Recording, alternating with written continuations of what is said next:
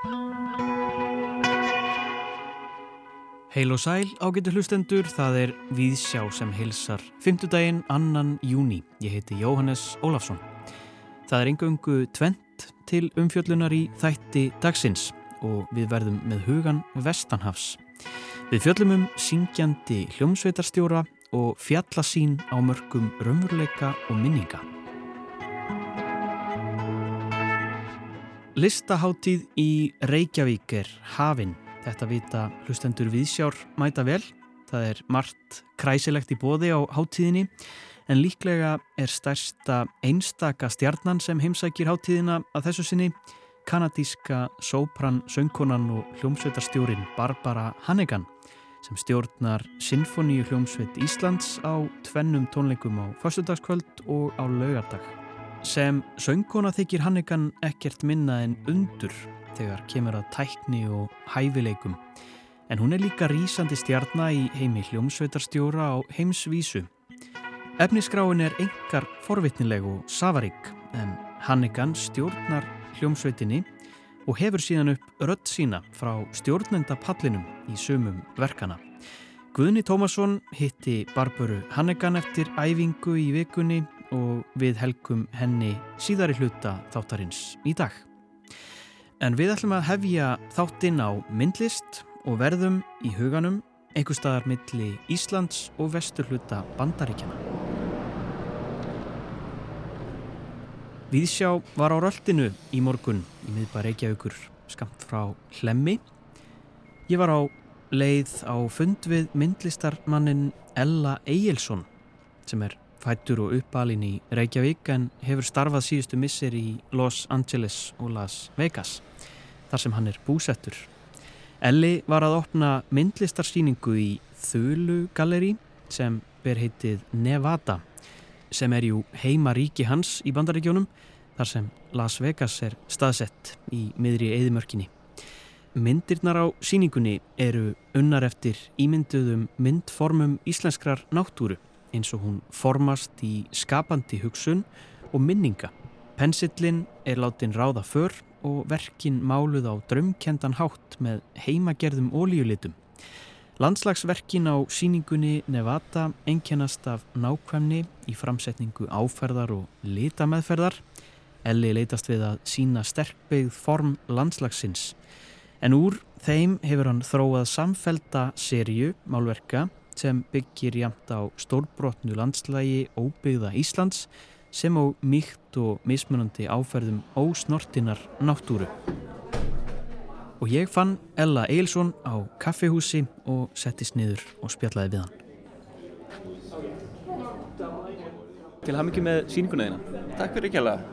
Segð mér aðeins, sko, ég er eiginlega bara rétt að ná í skotti á þér. Þú ert bara þegar þetta fer í loftið þá eru þú komin í loftið uh, eða ég vil komin heim bara eða myndir þú kalla það heim? Er þetta að fara heim eða er þetta að fara Ég er 100% að fara heim og ég verð alveg 100% komin inn á vinnustofu komin í vinnugalan og byrjar að mála fyrir næstu verk sko. alveg, alveg 100% Ég var bara fyrir 500 síðan að setja síðustu töskunnar upp í bílalegu bílin þannig að tilbúin að fara bara flugöld búin að vera hérna í tvær vikur í Reykjavík og við erum búin að vera mjög heppin því ég segi við, þá er ég og Marja Birta einkona mín, við erum búin að vera mjög heppin með veður.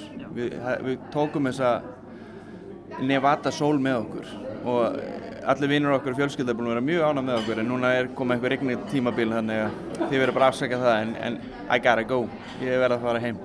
Og já, ég kalla Las Vegas heim bjó í Los Angeles fyrir já, í sjö ár næstum því fyrir Las Vegas, þetta er þrið árið okkur núna í Las Vegas.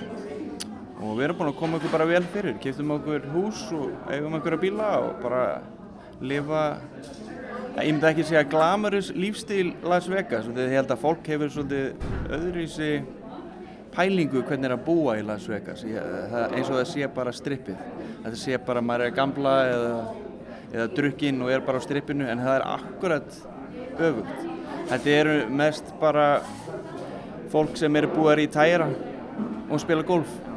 Þetta er, mjög... þetta, þetta er mikið af einbílishúsum, sérbílum svona. Þetta er svona bara suburbia sko. Það er bara suburban hverfi í kringum litla strippið þarna. Þannig að já, ég hlakka til bara að fara í sóluna en þetta skiptir svolítið máli svona að að stilla þessu upp svona að því að uh, þetta kemur svolítið við sögu í þessum verkum sem eru á síningunni Nevada. Um, sko um, þetta, er, þetta eru mikið myndir af fjöllum og þarna koma við sögu sko, minningar af fjöllum. Uh, sko bara að spyrja það fyrst, hva, hvað ertu búin að vera með þessa hugmynd lengi svona í kollinum og í vinslu? Sko fyrir hverja síningu sem ég geri þá ger ég einhvers konar þema. Og þema fyrir þetta var mjög einfalt. Ég ákvæði til dæmis að ekki hafa einhvers konar texta um síninguna mér langaði að síningi myndi bara um, tala fyrir sig sjálfa sko. þetta eru einungis þetta eru tólf uh, málverk og þeir, þetta er allt sama forðið, formið af sagt, tindum fjallstoppum. Og það er bara í mismöndi stærðu en þetta er sama sagt, uh, hvað er íslensk orðið? Perspektiv, þetta er bara, bara sjónarhornið. Og ég ákvaða ákvaða að svona mixa smá Las Vegas litum inn í íslenska náttúru. Og það er einfallegin við þessa síningu sko, þetta er bara toppar með mismöndi litum. Og Nevada pælingin er svo að Nevada þýðir uh, snow covered mountain. Á spænsku, gömlu spænskunni. Það þýðir það? Ég hafði ekki hugmyndu um það því ég flutti til Nevada. Ég fór eitthvað að lesa mig til um Nevada og Las Vegas og uh, þessa stuttu sögu þessa borgar og, og þessa fylgis. Uh, og þá kom það í ljós.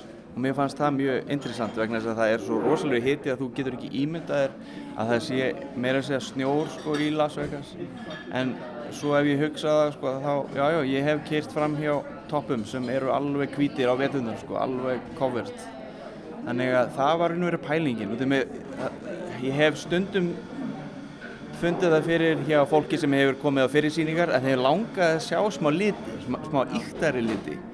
Og ég sagði alltaf nei, nei, ég held að það sé ekki ég sko. ég meina leiði öðrum að sjá um þessa yktu liti. En svo einhvern veginn vildi ég pröfa mig áfram vegna þess að ég býti mín eigin óljuliti alveg fyrir grunni. Það er mjög sérstakt. Það? er bara kemistri sko. Það er bara efnafræði. Ég fór og hitti uh, efnafræðing hér á Íslandi fyrir nokkur ári síðan og hann, hann tók mig svona step by step í gegnum hvað ég ætti að forðast. Byrja á að gera það til dæmis vegna þess að þetta er náttúrulega ekkit anda sér einhverjum, einhverjum svo eiturgufum og, og svona er, er, það getur verið hættulegt. Þetta er náttúrulega allt sem svona oljumálingur náttúrulega bara búin til í versmiðum það sem er allt inspektað alveg upp á 110 ég myndi ekki segja að vinnustofa mín er alveg eins en, en hérna ég já já. Ég veit hvað ég á ekki að gera eftir að hafa gert nokkar tilhörnir áður en ég hitti þennan, þennan efnafræðing uh, ég blindaðist til dæmis í uh, sólaning Út af svona efna... Já, bara út af fjúm sem voru í loftinu. Og það var bara vegna þess að það eru, það sem við þekkjum sem terpentínu til þessu Íslandi, fæstur ekkert mikið í Kaliforníu þegar ég bjóð í Los Angeles. Já. Þannig að það eru til mineral spirits sem eru ódurless, það getur verið svolítið hættilegt, sko. Um, en já, þetta er bara að gaman að, að bæta við smá litum og þessi Nevada pæling er einfallega að ég skýrði hvert einasta verk eftir gödunum sem ég þarf að keira frá heimann á vinnustofunum bara mjög einfalt en það passar allt perfektli saman. Spring Mountain, það vartum við smá, smá grænantón sko. Polaris, minnum við á Polarbjörn og það er mjög kvítu toppur. Uh, Fort Apache, það sem við byggum áður fyrir ég bætti þínum að við, það var svona uh, Indiana Native American þema og það ákveði að setja smá rauðanlit uh, já, bara í einhvern veginn sett púsla þessu saman og, og og tók þessu challenge frá fólki sem hefur viljað sjá smá liti.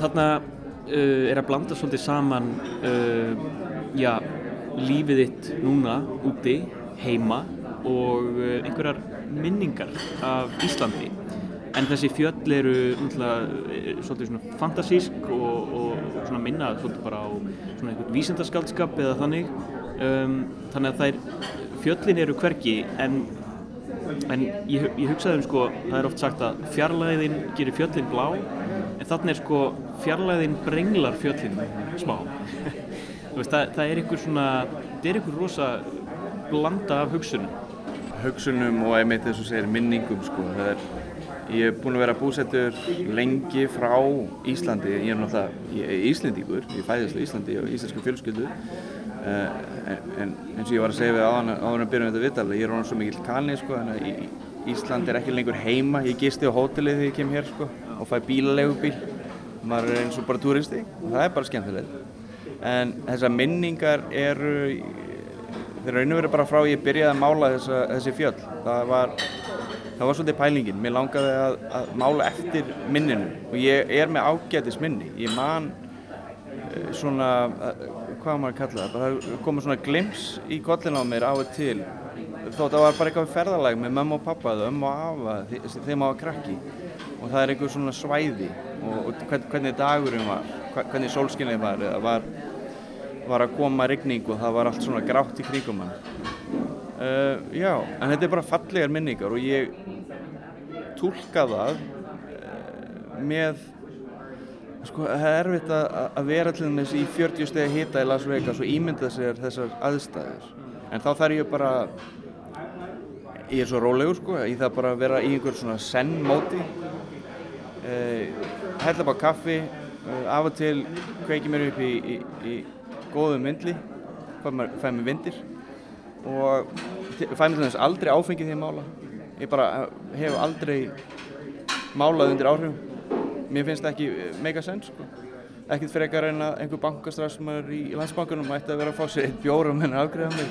Ég sé þetta þannig sko, ég bara er að fara í vinnuna og, og mér finnst ég þurfa að standa með og vera alveg 100% fókust af það sem ég er að gera. Þannig að þá kemur einmitt ennum á það sko að minningarnar, maður þarf að vera alveg clear minded og engin neikvæðni og neitt svoleiðis. Þetta er bara atmosfærið og ég reyna að tólka þess að það sem ég man. Og ég byrjaði að mála herðubreið. Ég pröfaði það, ég, pröfaði að reyna að taka við sprótunum frá Stefáni Mörudal sem var mjög góðu vinnur báða afa minna frá Akureyri og Æsíu og pappa og hérna það gekk alveg fínt og eitthvað en, en, en svo var það bara það var bara það. En mér langaði að búa til eitthvað meira. Mér langaði eiginlega bara að búa til minn eigin fjöll og ég er startið þar í dag.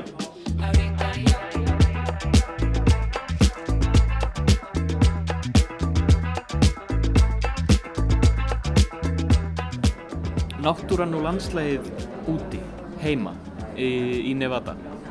Sko er það er, það er ekkert einhvern veginn í kollinum á þér eða blandast það, blandast það kannski bara með?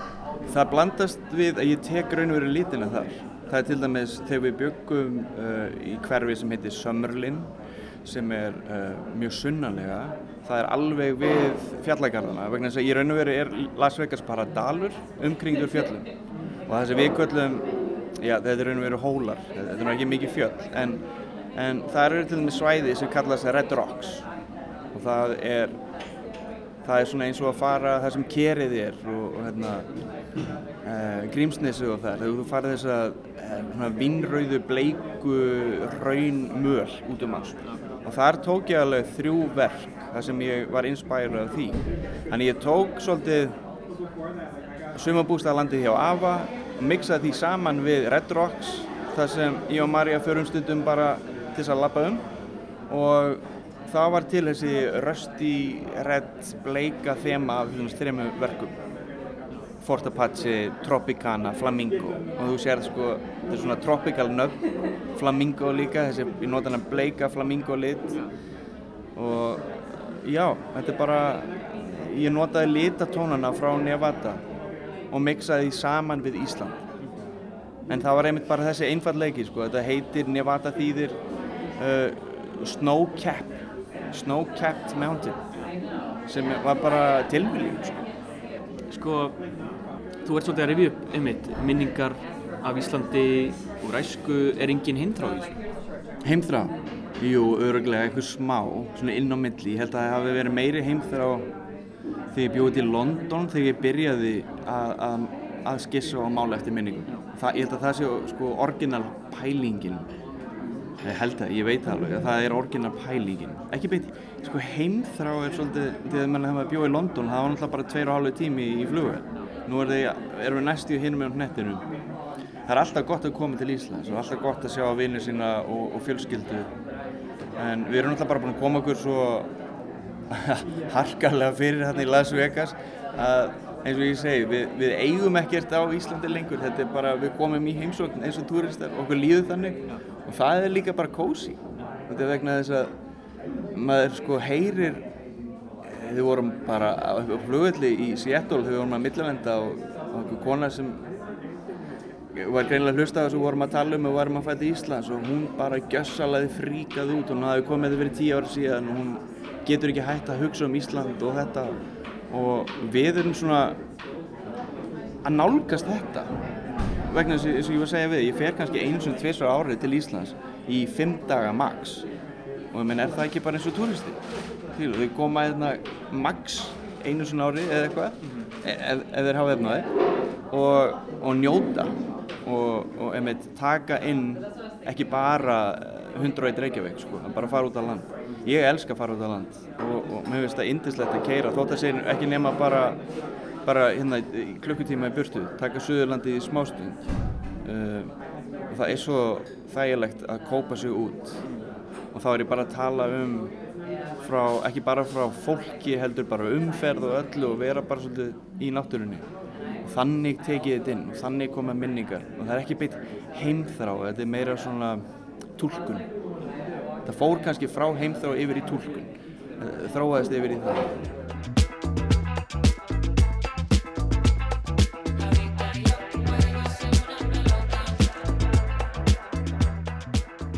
Ertu að einhver leiti að hugsa þetta út frá sko, lofslagsvanni, lofslagsbreytingum? Nú er mikið talað um sko, list á tímum lofslagsbreytinga, uh, það er svolítið stef á listaháttíð Reykjavík sem er nýbyrjuð hérna og, og víðar. Uh, erum við að minnast einhvers svona horfins heims eða hvernig, hvernig gerum við það? Í raun og veru er ég að gera það sem er, eh, mér finnst verið tilgangur á lífinu mínu en það er að skilja eitthvað eftir, sem, eftir mig sem er fallegt og fyrir aðra kynsluður til þess að, að uppgöta og sjá.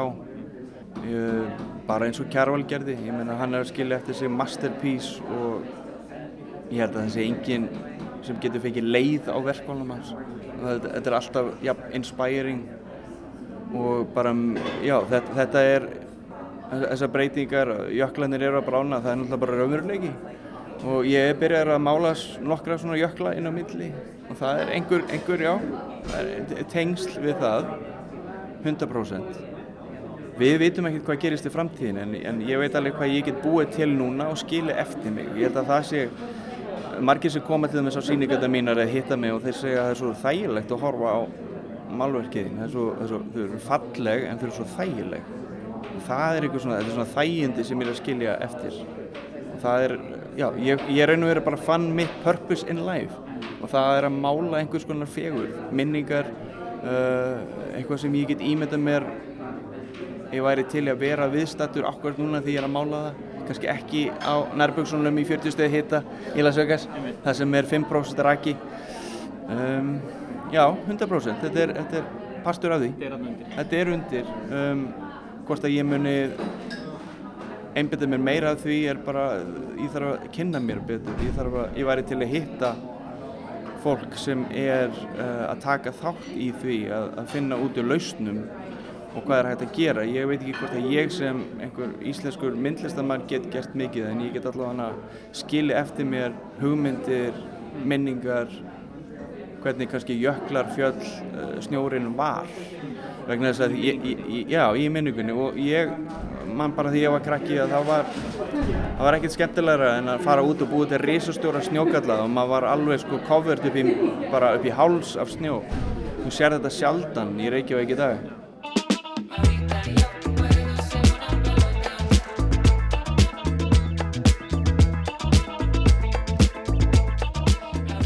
Í viðtali um síninguna á Vísi ekkert fyrir löngu um, fyrirsögnum þar var um sérpantaða verk fyrir tónlistamannin Weekend uh, bara rétt í lókin að spyrja í það, hvernig, hvernig kom það til og hvað veldi hann fá upp á, upp á veggin hjá sér?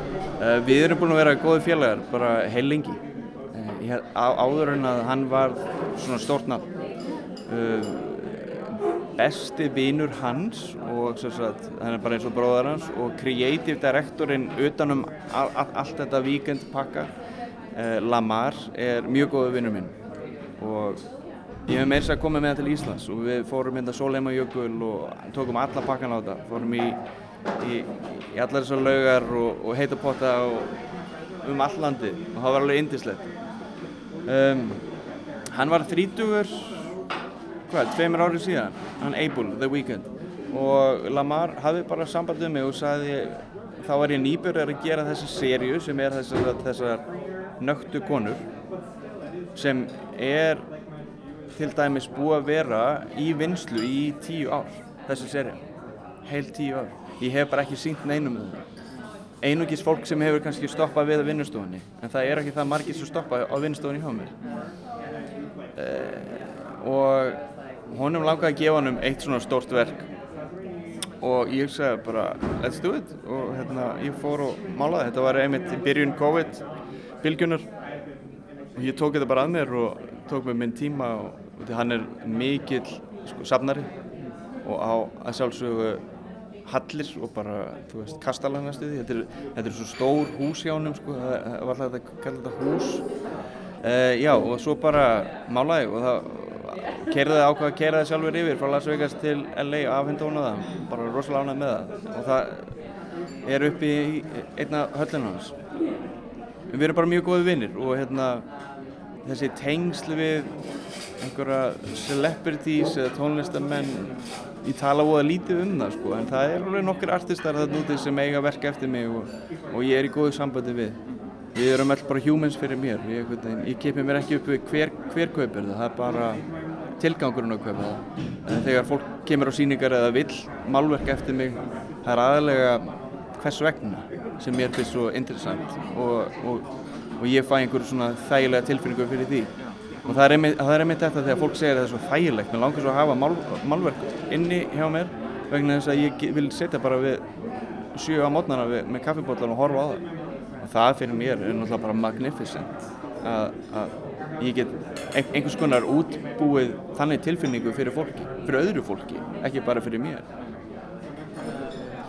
um, Þú ert bara á leiðinu út núna uh, hvað, hvað er svona framöndan hér? Þú ert bara að fara heim í sólina alltaf áfram að mála og njóta lífsins? Ég er að fara út í sólina en ég held ég sé fyrir nú bara að fara beint inn á vinnustofu sko. eins og segja, að vera tvær vikur í burtu frá vinnustofunni er, er mjög lengi fyrir mér ég, ég er með no days off tattúera aftan á hnakkan á mér sko. og það er bara svolítið mottoið og þemað hjá mér. Það, ég tek það sjaldan daga off. Þannig að ég er að fara að mála og það er bara hlaka til hvað kemur út af því. Ég er nú ekki búin að ná að fara neitt út af landi þessari ferð. Þetta er búið að vera svona vinnuferð einugis en ég er búin að hita fjölskylduna og, og vinni og gaman að gaman að geta sínt búin að búin svo heppið með veður sko að, að, já en hvað er á næsta döginni, það er bara það verður að sjá, þið verður að fylgjast með Eli Eilsson, takk kærlega fyrir að gefa þið tíma að hitta mig og eh, gangið vel, góða ferð heim. Kæra þakkir.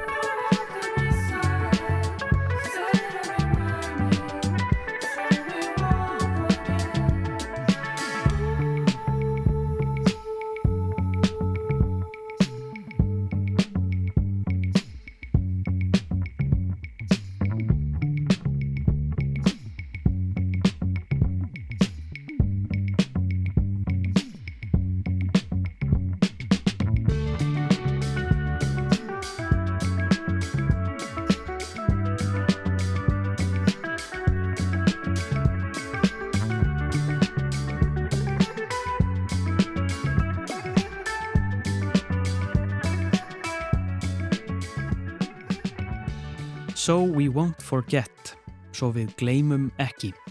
Þetta er hljómsveitin Krúanbinn í léttum takti. Þarna var rætt við Ella Egilson, listmálara. Ég rétt náði í skottið á honum í morgun áður hann helt heimálið til Las Vegas. Hann sagði mér þarna frá myndlistarsýningunni Nevada sem opnaði í galleri Þölu um helgina. Draumkendar fjallalandslagsmyndir, æskuminningar frá Íslandi í bland við lífið í Erilborginni Las Vegas. En Við höldum okkur vestanhafs og hugum að listamanni sem kemur hingað til lands á listaháttíð með rött sína og botlausa hæfileika. Það er kanadíska sópransöngkonan og hljómsveitarstjórin Barbara Hannigan sem stjórnar Sinfoníu hljómsveit Íslands á tvennum tónleikum á förstudagskvöld og lögardag. Efniskráin samanstendur af verkum úr austri og vestri frá Bandaríkjónum og Vínarborg og er öll samin í kringum eða laust eftir aldamótin 1900. Guðni Tómasson fór og hitti þessa söngkonu og hljómsveitar stjóra sem er þekkt fyrir að syngja sumt af því sem aðrir leggja ekki í. Barbara Hannigan, welcome to Iceland. Thank you so much. Uh, you being an islander yourself, take us back to Nova Scotia and why you wanted to start singing on that island. Well, I uh, my mom says that I I sang before I I knew words, so the melodies were more important than the words uh, when I was a little baby with my my twin brother. I have a twin brother. He's five minutes older than me, and my sister. And uh, I think it was just my, let's say, my mother tongue, my mother language was music. and it brings me really a deep, deep joy, you know. So that's uh, I'm so lucky that that's what I do. Barbara Hannigan er fætt og uppalinn á eiginni Nova Scotia sem að líkur austur undan strönd Kanada og virkar eins og pínulítil utan og liggjandi sneið af því viðfæðma landi. En er samt eins og ríflega hálft Ísland að flatarmáli og þar búa eitthvað um miljón manns. Ég spyr hana um söngin, af hverju hún vildi fara að syngja þarna í útbæ Halifax þar sem hún ólst upp. Mamma segir að ég hafi farið að syngja áður en ég fór að tala, segir hún. Laglínur voru því mikilvægri fyrir mig en orð þegar ég var að alast upp með sýstur minni og tvíbrabróður sem er fimm mínútum eldri en ég. Þetta var eins og móðurmál mitt, skilst mér. Og alla tíð hefur tónlist nært andaminn og ég er svo heppinn að hafa náðið að starfa við hana. Og það hefur Barbara Hannigan svo sannlega gert með góðum árangri og þá engum sérhæft sig í nýri tónlist, tónlist okkar tíma. Hún hefur til dæmis frumflutt fjölmörg verk eftir tónskáld samtímans. Í stjórnandalhutverkinu tegir hún sig aðeins aftar í aldir í verkefnavali en í söngnum fer hún yfirleitt ekki aftar enn til upphafst 20. aldar. Ég spyr hann að því hvort að hann hafi ekki langað að verða höfbundnari óperudífa með áherslu á romantík 19. aldar. Um, I think you know, we realized pretty early on, like even maybe before I I was 10 years old that I kind of had this special thing for for the more difficult architecture, let's say, of music. And I, I liked it. I, I I found it fascinating. And around age 17 or so, I realized that not everybody felt that way. so that meant if I had a passion for this kind of music and I was good at it, it became like what we say noblesse oblige, you know, a kind of obligation, mm-hmm. like a vocation, mm-hmm. you know, voca, to be called to this kind of music. So I realized that that was my my responsibility. Ég held við höfum áttað okkur á því snemma, jáfnvel áður en ég var tíu ára eða svo, að ég var með sérstakka gáfur þegar kom að því að skilja og flytja floknar tónlist. Ég áttaði mig einfallega vel á hennum floknari byggingar einingum tónlistar og mér fannst flókin tónlist hillandi. Þegar ég var eitthvað um átjónara gömul fór ég að átta mig á því að það voru ekki allir sama sinnis. Það þýtti að fyrst ég var hrifin af svona snúinni tónlist og góði að setja mig inn í hana þá var þetta í raun bæði að forréttundum og köllun hjá mér. Ég áttaði mig á því að þessi tegun tónlistar væri á mína ábyrð einhvern veginn. Ég einbytti mér að því að finna jafnvægð millir tilfinningana í samtíma tónlistinni og vitsmunana í henni, flækjusteksins. Verkefnið var að komast fram hjá erfileikastíginu og að tilfinningalegu innihaldi tónlistarinnar. En söngkonan er eins og er meðvituð um það að fyrir hlustandan geti stundum reynst snúið að nálgast hinn reyna kjarnar samtíma tónlistarinnar. En þegar það tekst þá sé uppskeran vissulega ríkuleg. I think it can be difficult, yeah. And I mean, on the other hand, I mean, composers are humans with bones and marrow and blood and heart, and we're all made of the same thing. And so I, you know, when we read about, you know, Berlioz or Beethoven, even that their music was, you know, rejected sometimes at first performances, and how lonely they felt and how isolated they felt, and I think, you know, it's our responsibility, those of us that have this particular affinity for new sound. Um, it's our responsibility to be the advocate for the composer, to be the channel for the composer. And I cannot say that I I take every single contemporary piece and go, "Oh, I get it." I don't. I don't. I I have a certain connection to certain composers, certain kind of of writing or authenticity, let's say, to the to the artistic creative soul. And when I connect to that, then I really I try to to be the advocate for that when I can. Við megum heldur ekki gleyma því, heldur Barbara Hannigan áfram, að tónskald eru bara fólk af holdi og blóði. Þegar við lesum tónlistasöguna þá gefum við ljósa snillingum á borði Berlioz og Beethoven til dæmis var hafnað á sínum tíma með sínum verkin og milli. Þeir upplýðu einangrun og einmannanleika, samtíminn skildi þá ekki alltaf. En ég tel að það sé okkar skilda, okkar sem að tengjum svona mikið í nýsköpun í tónlist, að vera talsmenn þessara tónlistar þessara tónskálda sem eru að leggja á ný mið. Ég er ekki að halda því fram að ég taki hvaða samtíma tónlistarverk upp í hendurnar, skoði það í smástund og segi, ó já, ég skil þetta. Svo er bara alls ekki. Verkum sumra tónskálda tengist í hins vegar djúbumböndum og þegar það gerist þá reynir ég að tala máli þeirrar tónlistar. Og vissulega var það svo að í fyrstu var ég ofta að syngja nýja tónlist fyrir litla áherrandahópa nokkra hræður. En eftir að hafa unnið svona lengi í þessum bransa, þá nær maður að byggja upp traust við ólíka aðila, bæði þá sem vinna á hinnum ímsu stöðum á vettfangi tónlistarinnar og áherindu sjálfa. Og það traust hefur gert að verkum að ég hef getað fært nýja tónlist inn í stóra tónleikasali fyrir stóra áherendahópa viðan um heim.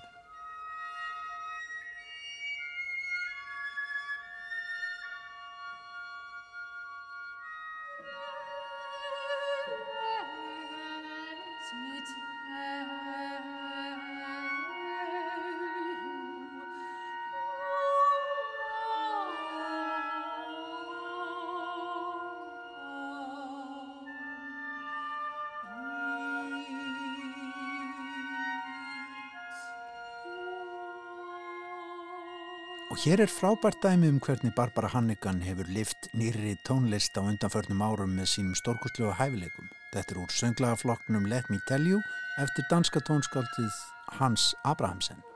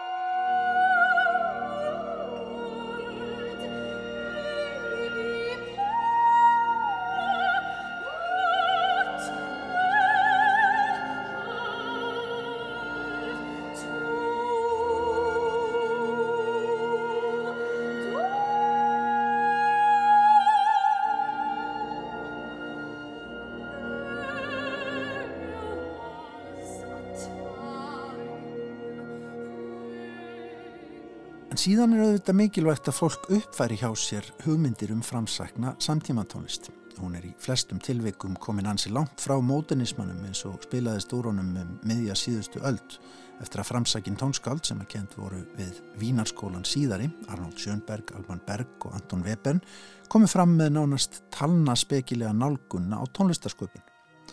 Jú, segir Barbara Hannigan hlægandi, maður eins og Arnold Schönberg allir vissulega nokkrum vandræðum. I mean, I think Schoenberg, you know, he did cause a lot of trouble when he I mean, he ruined music for a lot of people when he went into this 12 tone world. You know, I walked past this shop the other day on the street called 12 Tone. Yes. I took a photo. I thought they're ready. They're ready. That's a good music music store. I heard it's a good music store. I'm going to go in. Um, but he did, I mean, he did it's very difficult those that 12 tone serialism that he created and then of course it was followed by, by Berg and Webern and then Sjönberg var með smá vesen þegar hann tegði sig yfir í tórtóna tónlistina og mótunískir höfundar langt fram eftir 20. öld fylgdu og eftir. Úrvarð snúin, tæknileg, omstríð og stundum fráhrindandi tónlist. Þetta segir Hannigan og revjar upp að hún hafi gengið fram hjá tónlistaveslunni 12 tónum á skólaverustík var ánað með nafngiftina. Tónlistin sem að fyldi í kjálfar tóltónu hugsunar Sjöndbergs og félaga var nánast starfræðileg, í það minnsta hávitsmunuleg og þetta fældi almenning vissulega frá. Þetta er líka allra erfiðasta tónlist sem þú tekur þér fyrir hendur að flytja, segir Hannigan. Þar koma formin í tónlistinni ekki fram með sama hætti og í lagrætni tónlist. Sjöndberg talaði hins vegar um mikilvægi þess að frelsa ómstríðuna og þessi hugmynd heillar mig þegar maður spáir í hana. Þá viðurkennum maður bara að það sé í lægi að tónlist sé ómstríð og laus undan hefbundnu kerfi tóntegunda. Þetta getur líka tala til fjölda fólks.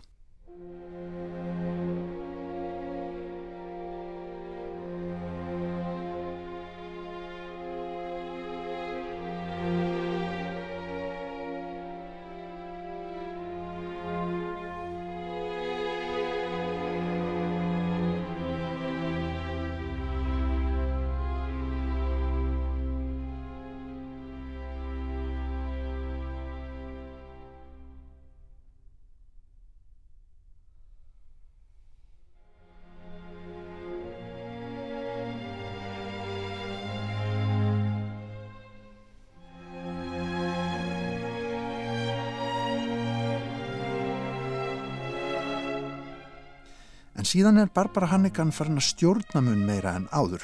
Og þar býr hún að þeirri reynslu að hafa sungið undir stjórn margra fremstu hljómsveitastjórum samtímans. Og það hefur auðvitað kentinni mikið.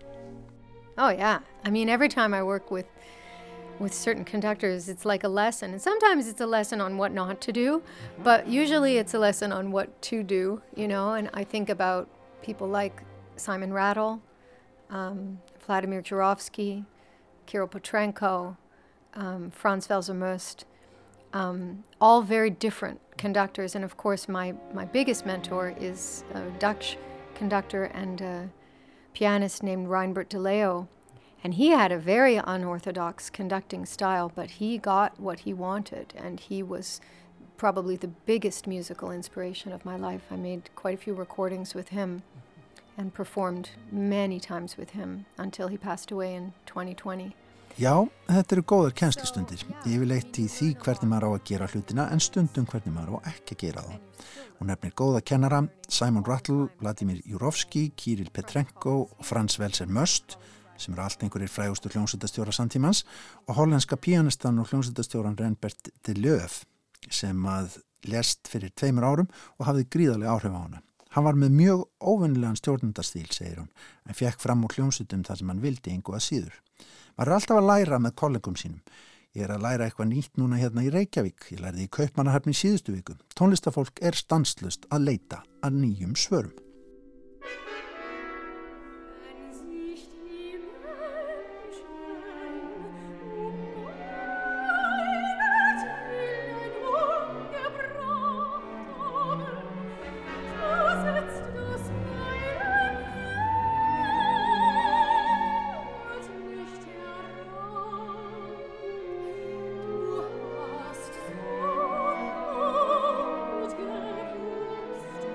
En það er sjálfgæft að klassískir söngvarar stjórni hljómsveitum. Þetta hefur blandast saman á síðasta áratöðu rúmlega það hjá Barbara Hannigan. Well, I started conducting 10, 11 years ago now. And sometimes I do programs where I only conduct.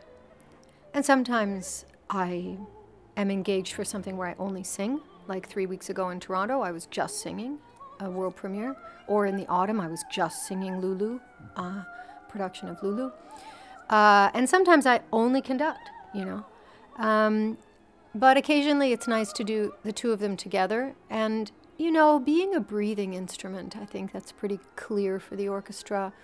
Um, because I'm showing them, I'm, I'm kind of in a, a very, uh, yeah, a very strong state of respiration, you know, all the time. And so, so they're with me as long as I keep breathing. I think that's that's kind of in the core of things. Stundum syng ég bara, stundum stjórna ég bara og stundum er gott að geta blanda þessu saman. Sem söngkona er ég andandi hljóðfæri og það er eitthvað sem hljóðfæraleikarar í symfóníuljónstum skilja vel. Öndun er mikilvæg og ég fer einhvern veginn djúft inn í hana og þau fylgja mér svo lengi sem ég held áfram að anda. Ég þarf auðvitað að þekkja rattskrána vel, vera mjög skýr í handarhefingum og átta mig á hverjum ég þarf að veita aðtikli hvenar, svo þarf ég að leiða fólk saman, svo að þeir sem er að spila saman á hverjum tíma hlusti vel hvern. En mér finnst þetta allt snúast um samstarf. Ég byrð þau í hljómsveitinu um eitthvað og vil að hljómsveitin byrði mig tilbaka ef að ég get gert eitthvað skýrar. En þá að efnisgrá þessara forvitnilegu tónleika á listaháttíð Íslands sem að verða tvíteknir í hörpu á förstu dag klukkan 19.30 og lögadag klukkan 17. Efnisgráin er heldur betur safarík í huga margra tónlistar áhuga manna og það finnst hljómsveitastjórunum og söngkonni líka. I looked at it I, on paper. I was like, wow, that's an amazing program. So it's like an America Vienna sandwich program. Opening with Ives, so this American maverick, um, with a heartbreaking piece about someone who simply wants to ask the question. Þetta er eins konar samlókuprógram með bandarískri tónlist í upphafi tónleikan og aftast á efniskráni og safaríkri tónlist vínar inn á milli. Í fyrstu heyrum við tónlist frumkvöðulsins bandaríska Charles Ives, ósvöruðu spurninguna hans, The Unanswered Question, hljómsveitaverk þar sem tónskáld setur fram eins konar spurningu í tónum en fær aldrei svar. Þetta er hjarta nýstandi tónlist um einhvert sem að þarf að spyrja spurningar.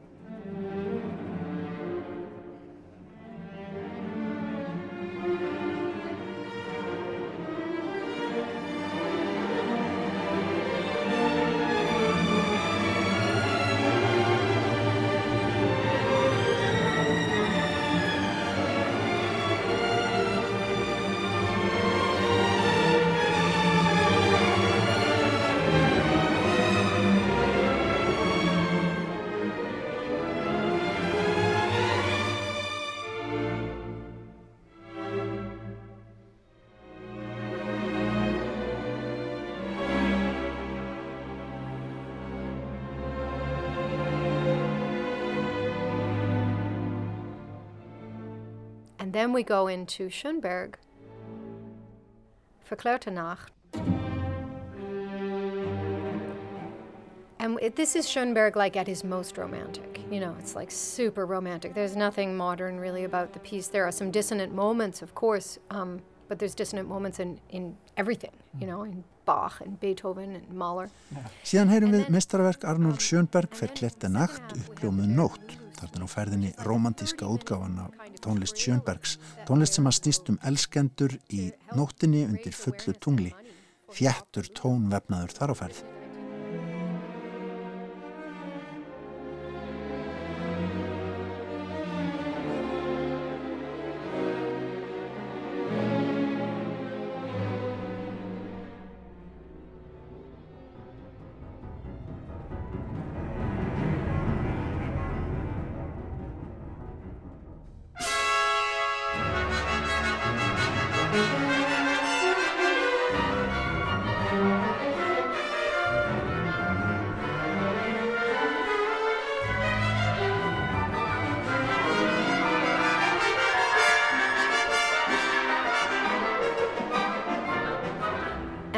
The second half, we have the Berg Lulu Suite, which is like a 30 minute kind of trailer that Berg wrote to help raise awareness and money for his opera Lulu. And, you know, Lulu, she's like one of my favorite people in the entire world. Síðan er komið að svítu úr óperunni Lulu eftir annað vínar tónskáld síðustu aldar, Alban Berg. Barbara Hannigan er vel þekkt fyrir tólkun sína á Lulu, hefur songið hlutverkið marg oft og segir persónna einn af sínum uppáhaldsmanneskjum í öllum heiminum. Svítan sé eins konar kynningastikla fyrir óperuna. Tónskáldi vildi að hún hjálpaði til við að koma óperunni víðar. Þarna syngur Hannigan í tveimur kablana skindilega og stjórnar hljónsutinni í þessari marglaga en dásanlega fallegu tónlist.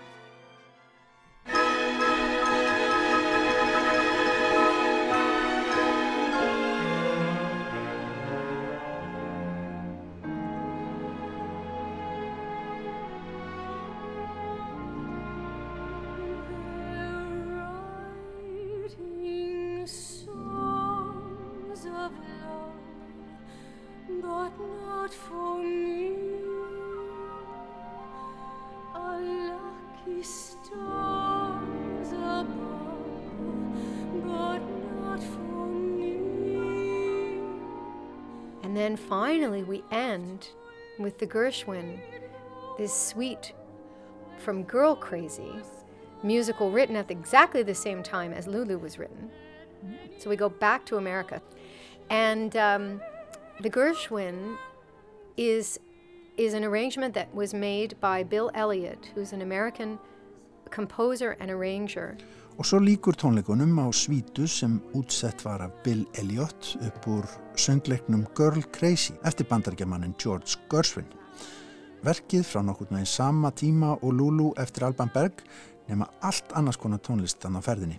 Þarna er til dæmis eitt þekktasta lag Gershwin inn á milli, I Got Rhythm. En útsetterinn Elliot í samstarfi við Hannigan notast við sömu hljónsutarsamsendingu og Berg gerði í Lulu og vittnar í hljóðheim Vínaskólans svo úrverður stórmerkilega blanda. Og meiri segja á einum stað í þessari tónlist þá þarf Symfóni hljónsut Íslands að hefja upp röst sína og syngja með. Og Barbara Hannigan endar á því að hrósa liðspunum sveitarinnar fyrir söngin. And uh, the orchestra has a special cameo moment in the middle where they sing as well. And they do a very good job, I have to say.